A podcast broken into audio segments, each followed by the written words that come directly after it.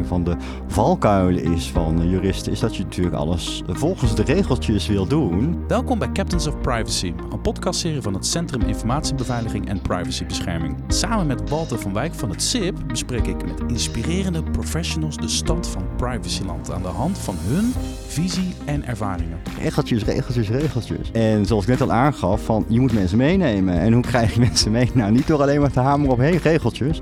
Vandaag de gast Remy van den Boom. Onder meer kwartiermaker AVG geweest bij de IND en nu alweer zo'n jaar of vijf FG Data Protection Officer bij onderzoekinstituut TNO. Hij houdt van fitness, hij houdt van zwemmen, hij houdt van reizen en is net terug uit het Midden-Oosten. Zeker. Wauw, wauw. Oké, Remy, leuk dat je er bent. Uh, weer een nieuwe Captain of Privacy hier aan tafel. En dan bij TNO. Uh, dat gaat over wetenschap. Kun je mij een beetje schetsen waar jij je dan zo al mee bezighoudt? Nou, um, TNO is een, uh, ja, eigenlijk een, een vrij oud wetenschaps, wetenschappelijk instituut mm -hmm. in Nederland. En van oudsher uh, hield TNO zich heel erg bezig met defensieonderzoek. Dat is nog steeds een hele grote tak van sport eigenlijk van TNO. Um, maar dat, is verder uitgebreid. Um, de grote uh, onderzoeksunit is ook Healthy Living. En, um, nou ja, en daarnaast wordt ook ICT-onderzoek uh, gedaan. onderzoek op, op, ja, op het gebied van uh, traffic and transport is ook een belangrijke unit. Nou, ik noem even een paar. En nou, bij deze units is eigenlijk regelmatig sprake van mensgebonden onderzoek, zoals wij dat noemen. En onder mensgebonden onderzoek moet je verstaan, nou ja, onderzoek waarbij er sprake is van deelnemers die iets moeten doen of moeten nalaten, vragenlijstonderzoek, hè, bijvoorbeeld uh, TNO, die voert jaarlijks de nationale enquête arbeidsomstandigheden uit, wat dus een groot vragenlijstonderzoek is uh, naar de arbeidsomstandigheden van werknemers, maar ook van zelfstandigen. Um, ja, en traffic and transport. Moet je denken bijvoorbeeld aan zelfrijdende auto's. Uh, ja, die, die werken dus allemaal met camera's. En die moeten dus, uh, ja, dat, daar zitten ook uh, echt gegevens okay, dus van Het gaat over bij. wetenschappelijk onderzoek, defensie, het gaat over zorg, het gaat over tech, het gaat, het gaat over mensen, het gaat over data van deze mensen. En ja. het gaat dus over privacy. Ja, en jij zit daar bovenop. Ik zit daar bovenop. uh, Walter, uh, je hebt een paar stellingen, een paar vragen meegenomen. Zeker. Kun je eens aftrappen? Nou, ik ken jou als een gedreven professional die al een tijdje meeloopt in privacyland. Uh, je hebt te maken met allerlei inhoudelijke werkvelden, zoals je net al hebt toegelicht. Wat is nou, als je terugkijkt uh, de, over de afgelopen jaren heen, de, de belangrijkste uh, wapenfeitje, meest inspirerende moment of ervaring geweest tot op heden? Nou, ik denk wel uh, die, dat die implementatie van de AVG, de nieuwe wetgeving. Daarvoor was er natuurlijk ook gewoon privacywetgeving in, in Nederland of in Europa. Maar dat, ligt, dat, dat, dat stond toch een beetje op een laag pitje. En uh, nou, ik denk dat we samen met, niet alleen ik hoor, echt ook samen met de, met de organisatie, met TNO als organisatie, we hebben gewoon echt privacybescherming uh, echt een stap verder gebracht en geïntegreerd in de uh, processen, die de bestaande processen uh, die er al waren van de organisatie. En ik denk dat dat wel echt een, uh, ja, een belangrijk wapenfeit is. Omdat je ook niet moet vergeten dat het. Uh, ja, privacy beschermen is niet nou meteen iemands dagelijkse werk. Dus het komt er eigenlijk altijd bij. En dat ja, als je dingen moet veranderen, dan uh, zorgt dat ook weer voor weerstand binnen de organisatie in, in eerste instantie. Uh, je moet het ook een beetje uh, verkopen, hè? privacy. Oké, okay, mag ik je dan even onderbreken? Ja. Oké, okay, dus je, nu zeg je eigenlijk wat het wapenfeit is van TNO. Hè? Ja. Het is een soort integraal ding geworden in alles wat jullie doen. Ja. Uh, maar dan, wat is dan jouw wapen? Wie ben jij dan in dit verhaal? Is dat het meenemen van die mensen die misschien eigenlijk niet een soort prioriteit hebben bij privacy, ja. maar dat misschien nu wel hebben en dat, dat dat jouw verdienste is? Ja, dus echt meenemen mensen, meenemen mensen in ja, on, ja awareness creëren, uh, sowieso trainingen geven, workshops geven. Ehm, soms, ja, er zit ook echt administratieve last bij de AVG, dat zoals je weet. Ja. En daar worden mensen natuurlijk niet vrolijk van. Dus dat moet je ook proberen om het zo eenvoudig mogelijk uh, te maken. Ja, we hebben net uh, even als, als een stapje terug doen. We hebben net uh, ook een podcast opgenomen met Irit Kist. Die werkt bij het Nederlands Kankerinstituut, ook een onderzoeksinstelling. Mm -hmm. mag je dan ook zeggen dat wat jij, wat jullie hebben bereikt bij TNO, dat dat TNO tot lichtend voorbeeld maakt voor privacy, verantwoord doen van onderzoek voor andere onderzoeksinstellingen? Ja, nou, ik denk het wel. Ik, ik, wat, ik, wat ik heb geprobeerd te doen bij TNO is dat er altijd een goed privacyverhaal ligt. Dus dat wij gewoon altijd kunnen uitleggen op welke manier uh, ja, de persoonsgegevens worden, worden gebruikt in het onderzoek. Mensen goed worden geïnformeerd daarover, hun rechten kunnen uitoefenen. En dat we ook kunnen uitleggen welke keuzes zijn gemaakt om, om, om bepaalde ja, technologie bijvoorbeeld te gebruiken en, en hoe je dat gebruikt. Ja, dus ik denk dat, uh, dat TNO daar wel een goed voorbeeld van is. Ik merk... we, we gaan er dieper induiken en dan ja. natuurlijk vooral jouw rol daarin. Ja. Uh, Walter heeft een paar stellingen meegenomen. Ah. Uh, ja, ja, ja, ja, ja, ja. Je bent hier niet voor niks gekomen. Wat is je eerste stelling, Walter? Ja, we duiken gelijk de details in van een, een juridische term. Uh, adequaatheidsbesluiten. Uh, en de stelling is dan: adequaatheidsbesluiten betekenen niet veel voor organisaties en burgers. Dit is een spannende stelling. Ik heb me er een beetje in verdiept. Maar kun je eerst eventjes uitleggen: adequaatheidsbesluiten. Wat, wat, is, wat is het voor iets? Nou, dan moet ik even, moet ik even iets uitleggen. Ja, Misschien graag. vanuit de AVG. Uh, nou, de AVG die, die geldt dus bijna alle landen van de Europese Unie en ook nog van de Europese economische ruimte. Um, hè, dus daarbuiten, landen die buiten uh, die EU zitten of de EER zitten, die, uh, daar geldt de AVG niet. Dus dan zou je eigenlijk heel makkelijk dus persoonsgegevens in India of een ander land buiten de EU kunnen laten verwerken. Nou, dan zegt de AVG, dat willen we niet. Of dat, dat, dat, daar zitten beperkingen op. Hè, dus, je moet, uh, dus wij willen eigenlijk wel die bescherming. Hè, dus als je dus die gegevens naar een ander land brengt, dan moeten we eigenlijk uh, eenzelfde mate van bescherming kunnen uh, borgen. Mm -hmm. Grappig dat je India als voorbeeld noemt en niet Amerika, want daar heeft iedereen het over. Maar er zijn zoveel meer landen buiten de EER-sferen. Ja, klopt. Um, ja, inderdaad. Die, uh, nou ja, India heeft trouwens wel privacywetgeving, geloof ik. Maar, uh, dus de AVG zegt dat je dus uh, die gegevens naar een ander land kan brengen als, je daar, een, als daar een bepaald mechanisme aan ten grondslag ligt. En één zo'n mechanisme is een adequaatheidsbesluit. En dat is eigenlijk een besluit van de Europese, Commissie die zegt, nou, uh, de privacywetgeving in Argentinië, die, die heeft eigenlijk dezelfde waarborgen als de AVG of de Europese privacywetgeving. Dus het is prima om die gegevens ook in Argentinië te laten verwerken. En daar zijn dus geen uh, extra maatregelen uh, voor nodig. Dus dan exporteer je eigenlijk onze waarden en normen over, over privacy naar zo'n ander land? Nou, het is niet echt ex exporteren. Er wordt gewoon gekeken van hoe zit... aan onze... Ja, onze normen. Kun je dat, voorbeelden geven van uh, gegevens of situaties of casussen... waarin, waarin het nodig is om uh, gegevens in een land als Argentinië of India te verwerken. Want, het gaat natuurlijk over mensen, het gaat over ons. De stelling gaat over organisaties en burgers. Uh, waar, waar hebben we het dan eigenlijk over? Nou ja, vanuit uh, TNO-praktijk dan even gezien. Wij doen natuurlijk best wel grens overstijgend onderzoek. Uh, en daar werken wij samen met Amerikaanse onderzoeksinstituten. Maar dat zou dus ook een Argentijnse kunnen zijn. Ook het Verenigd Koninkrijk natuurlijk. Maar mm -hmm. die, die, die, hebben een adequaatheidsbesluit. Dus uh, die, heeft twee, die, die twee zijn eigenlijk de belangrijkste. Engeland, uh, Amerika. Even voor de leken op het gebied van Europees recht. als je het hebt over adequaatheidsbesluiten is iets als Privacy Shield... wat inmiddels niet meer als klankbord gebruikt mag worden... of als filter of Schrems. Is dat nog steeds nodig dan? Ik begrijp niet helemaal de vraag. Nou, zijn, zijn er nog steeds internationale afspraken nodig uh, met allerlei landen uh, die hier naast bewegen? Is, of is adequaatheidsbesluiten een soort andere route naar hetzelfde effect? Veilig kunnen samenwerken en verantwoord gegevens kunnen delen?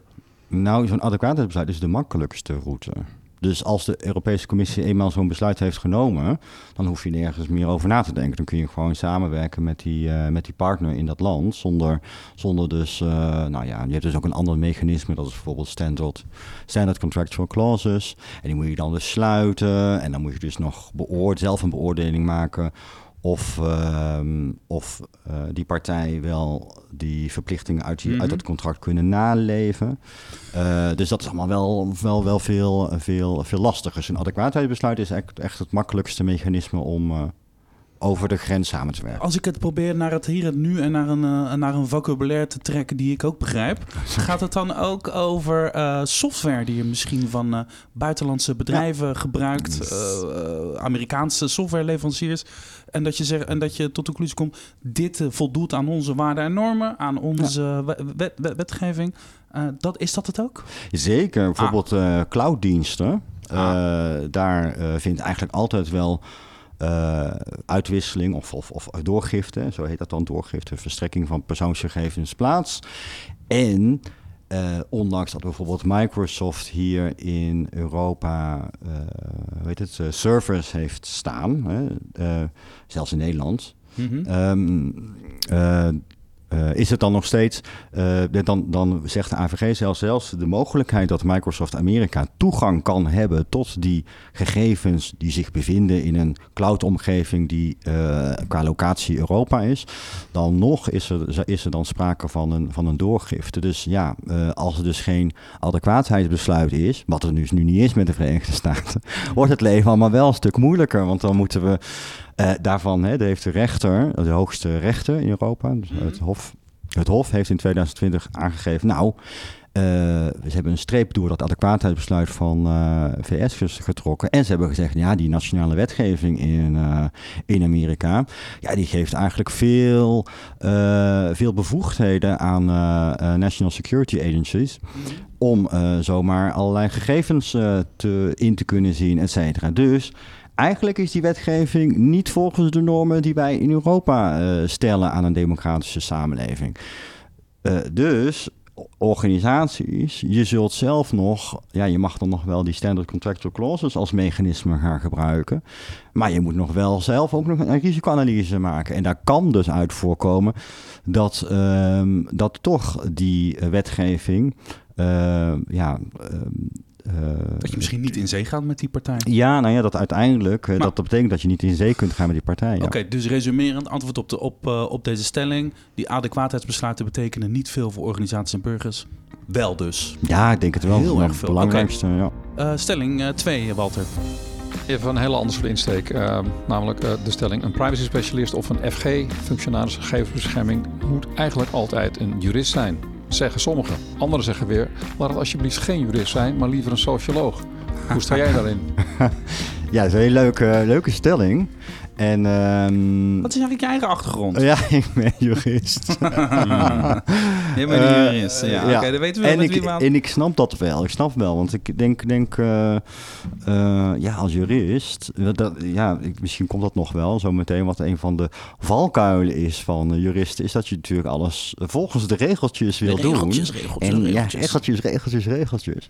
En zoals ik net al aangaf, van, je moet mensen meenemen. En hoe krijg je mensen mee? Nou, niet door alleen maar te hameren op heen regeltjes.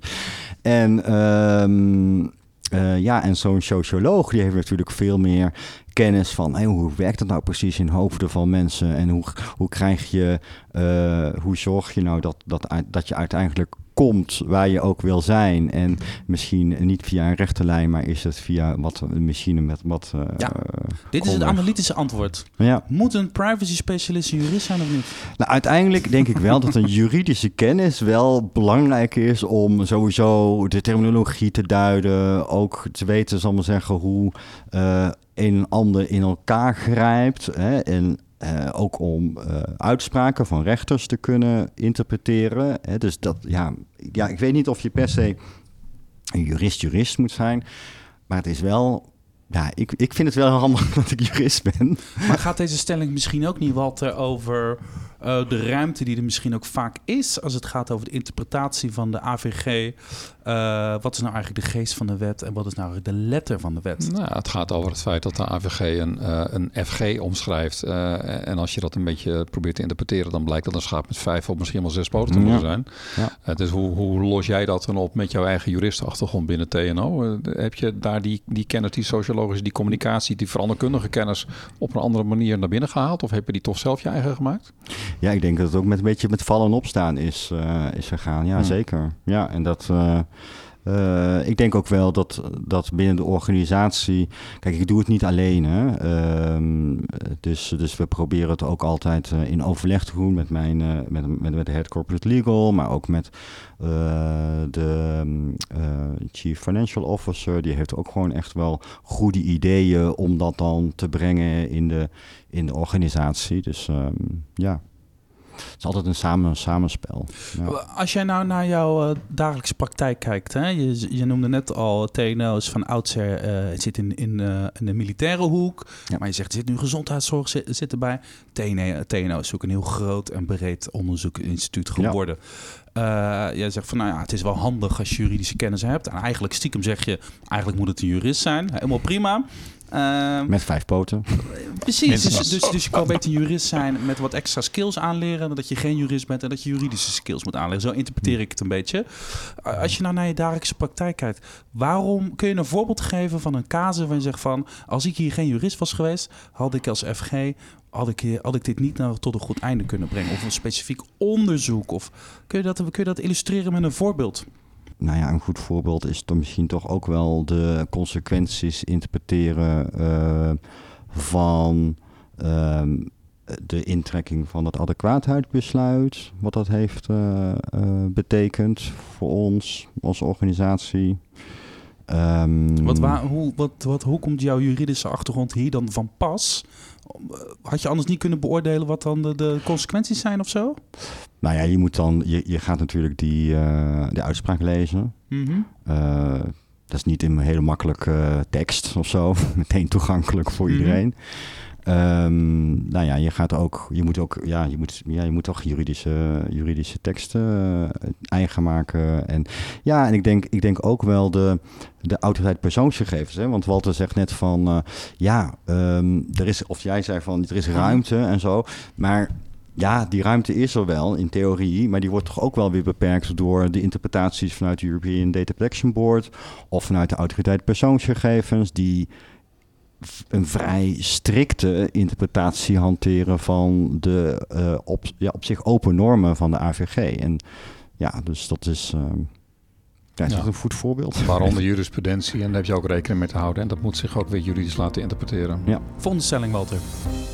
Deelname aan wetenschappelijk onderzoek door een burger of patiënt wellicht is in de praktijk altijd veilig te organiseren. Nou, ik denk dat dat wel een stelling is die je kunt beamen. Uh, veel in uh, eigenlijk is het uitgangspunt voor wetenschappelijk onderzoek dat je nooit uh, direct tot de persoon herleidbare gegevens hoeft te gebruiken. Dus dat je altijd wel iets kunt doen met pseudonymisering. Mm -hmm. uh, dus dat is al een groot hulp, grote hulp om, om privacy van mensen te, te, te beschermen.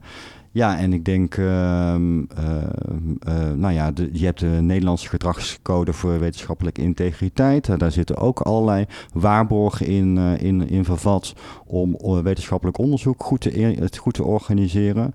Um, ja, dus ik denk dat het wel een. ja, ik zou wel ja zeggen tegen Mag ik hem een, een tikkeltje kantelen, deze stelling, om, mm. om een beetje te prikkelen? Uh, als je de stelling zou veranderen in de AVG zit wetenschappelijk onderzoek soms gewoon hartstikke in de weg. Ja, dat is zeker waar. Vertel. um, ja, hoe is, ja dat, dat is ook waar. Dus denk aan dat um, uh, ja, grensoverschrijdende onderzoek, wat soms heel lastig is. Een ander voorbeeld, wat, uh, wat was wel een leuk voorbeeld. Um, TNO doet ook uh, onderzoek bijvoorbeeld in samenwerking met uh, organisaties van de Verenigde Naties, zoals de uh, Wereld, World Health Organization, mm -hmm. WHO. En nou, daar, dat, dat, dat, die, dat, die organisaties die, hebben dan weer immuniteit. En die vinden ook dat immuniteit, hè, dus, dus, dus dat geen. geen um, oh god, ik moet even nadenken. Um, geen uh, jurisdictie op hun van toepassing is. Hè, dus dat de AVG niet rechtstreeks van toepassing is. En dat de aansprakelijkheden niet rechtstreeks op hun van toepassing is. Uh, nou, dat, dat soort zaken. En uh, nou, dat, dat, duurt best wel lang eer dat je dus. Um, met, die, met, met dat soort organisatie goede afspraken hebt gemaakt om toch enerzijds aan de AVG te voldoen, want die is wel voor TNO of van, op TNO mm -hmm. van toepassing. En ook uh, recht kunt doen aan uh, ja, waar de WHO uh, voor staat en hoe zij opereren. Dit klinkt voor mij nog een beetje bollig als ik zo vrij mag zijn. als je nou gewoon in Nederland kijkt, jullie willen gewoon een onderzoek doen. Er is een medewerker of een projectgroep binnen TNO en die willen een onderzoek doen. En die moeten data verzamelen, die willen met mensen interviews, enquêtes of er zijn misschien uh, whatever. Die willen met ziekenhuizen gaan werken om te kijken wat voor onderzoek, wat voor patiëntgegevens er zijn. Er zit de AVG gewoon wel eens in de weg als je gewoon een wetenschappelijke soort uh, Eureka-moment wil, wil, creëren. En, en dat zo'n onderzoeker zegt, ja, maar het kan niet, wat die stomme AVG... en we zijn toch verdikken met kanker aan het bestrijden. Dat je echt denkt van, kom op jongen, zoiets. Ja, het delen van uh, gezondheidsgegevens is een, is een, is een probleem. Uh, ja, dat de patiëntdata zomaar voor wetenschappelijk onderzoek gebruiken. Daar zitten ook beperkingen aan. Ja. Even wat moderner uh, daarop inschietend. er zijn allerlei technologische ontwikkelingen onder de paraplu-naam Privacy Enhancing Technologies. Um, daar gaan we in een andere podcast in deze serie overigens ook nog aandacht aan besteden. Maar is dat iets voor jullie al actief gebruik van maken? Of de... Ja, uh, TNO die heeft, uh, uh, doet onderzoek naar multiparty computation. Dat betekent dus eigenlijk dat de gegevens bij de organisatie blijft waar die zijn. Maar dat er eigenlijk een soort van treintje langs die organisatie rijdt, rijdt met met een software, met een algoritme en dus die berekening plaatsvindt en dan de, en de resultaten weer meeneemt naar de volgende. Uh, ik hoop dat ik het zo goed uitleg. Kortom, niet zo makkelijk herleidbaar naar de bron ja, eigenlijk, eigenlijk niet. Uh, maar ja, dan zit je natuurlijk wel met doelbinding. Je zit ook met, uh, nou ja, dus, dus, dus dat soort zaken blijven nog wel spelen. Uh, maar ja, in principe hè, zou je kunnen zeggen, ja, een beetje de grondrechten, waar de AVG uiteindelijk om gaat, hè, van het beschermen van grondrechten van mensen, ja, die worden helemaal niet uh, geschaad uh, door het feit dat deze, uh, dat treintje er langs loopt en dat die gegevens daarvoor worden, worden gebruikt. Het heeft geen individuele effecten. Hm. Ik vraag het namelijk hierom, als je bijvoorbeeld vanuit de overheid gaat kijken, hè, dan wordt, er zijn er best wel veel zorgen, die willen ook vaak iets met gegevens doen. En dan zijn er zoveel lagen van bezorgdheid die je kan hebben de overheid die heeft die gegevens, die gaan ze misschien voor andere doelen gebruiken. Dat wordt misschien een keer tegen me gebruikt. Maar bij een onderzoeksinstituut als dat van jullie, uh, zou ik misschien toch bijna denken van ja, maar jullie hebben er gewoon geen enkel belang bij om te klooien met die gegevens. Jullie willen gewoon een belangrijke wetenschappelijke doorbraak doen. Dus je zou misschien kunnen betogen dat de AVG daar wat ietsjes soepeler geïnterpreteerd mag worden.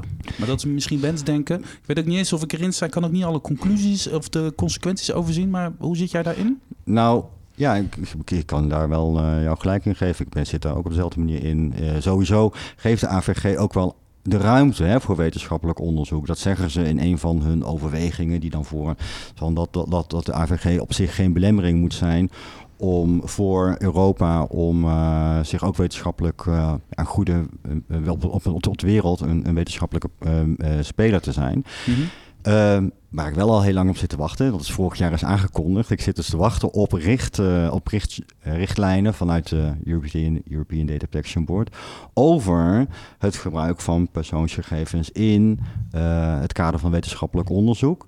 Nou ja, dat zou eigenlijk eind vorig jaar al uh, gepubliceerd zijn. Die is er nog steeds niet. Dus dat zou wel helpen om daar meer richting aan te geven. Oké, dus dit is wel een thema waar, waar de men het nog niet helemaal over eens is. Hoe gaan we dat dan protocoliseren eigenlijk. Zeg ik dat zo goed? Ja, en ook goed om op dat onderwerp de vinger aan de pols te houden. Ja. Uh, om iedereen daar weer bewust van te maken en over te informeren als het zover is. Heb je nog een uitsmijtende vraag voor ja, uh, Remy? jij loopt al een tijdje mee. Je hebt een heel veelkleurig internationaal werkveld op dit moment. Uh, je was met privacy bezig voor de AVG in werking trad.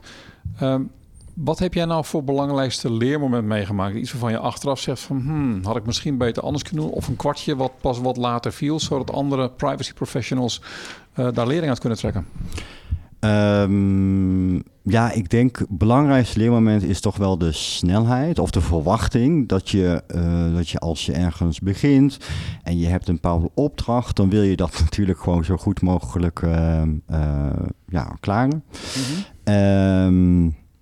Ja, je moet mensen meenemen. En dat, uh, en dat is wel echt een leerproces uh, voor mij ook geweest. En, uh, ja, Want mensen laten zich niet zo makkelijk meenemen of zo? nee, niet, niet, iedereen. Nou ja, niet op dit onderwerp.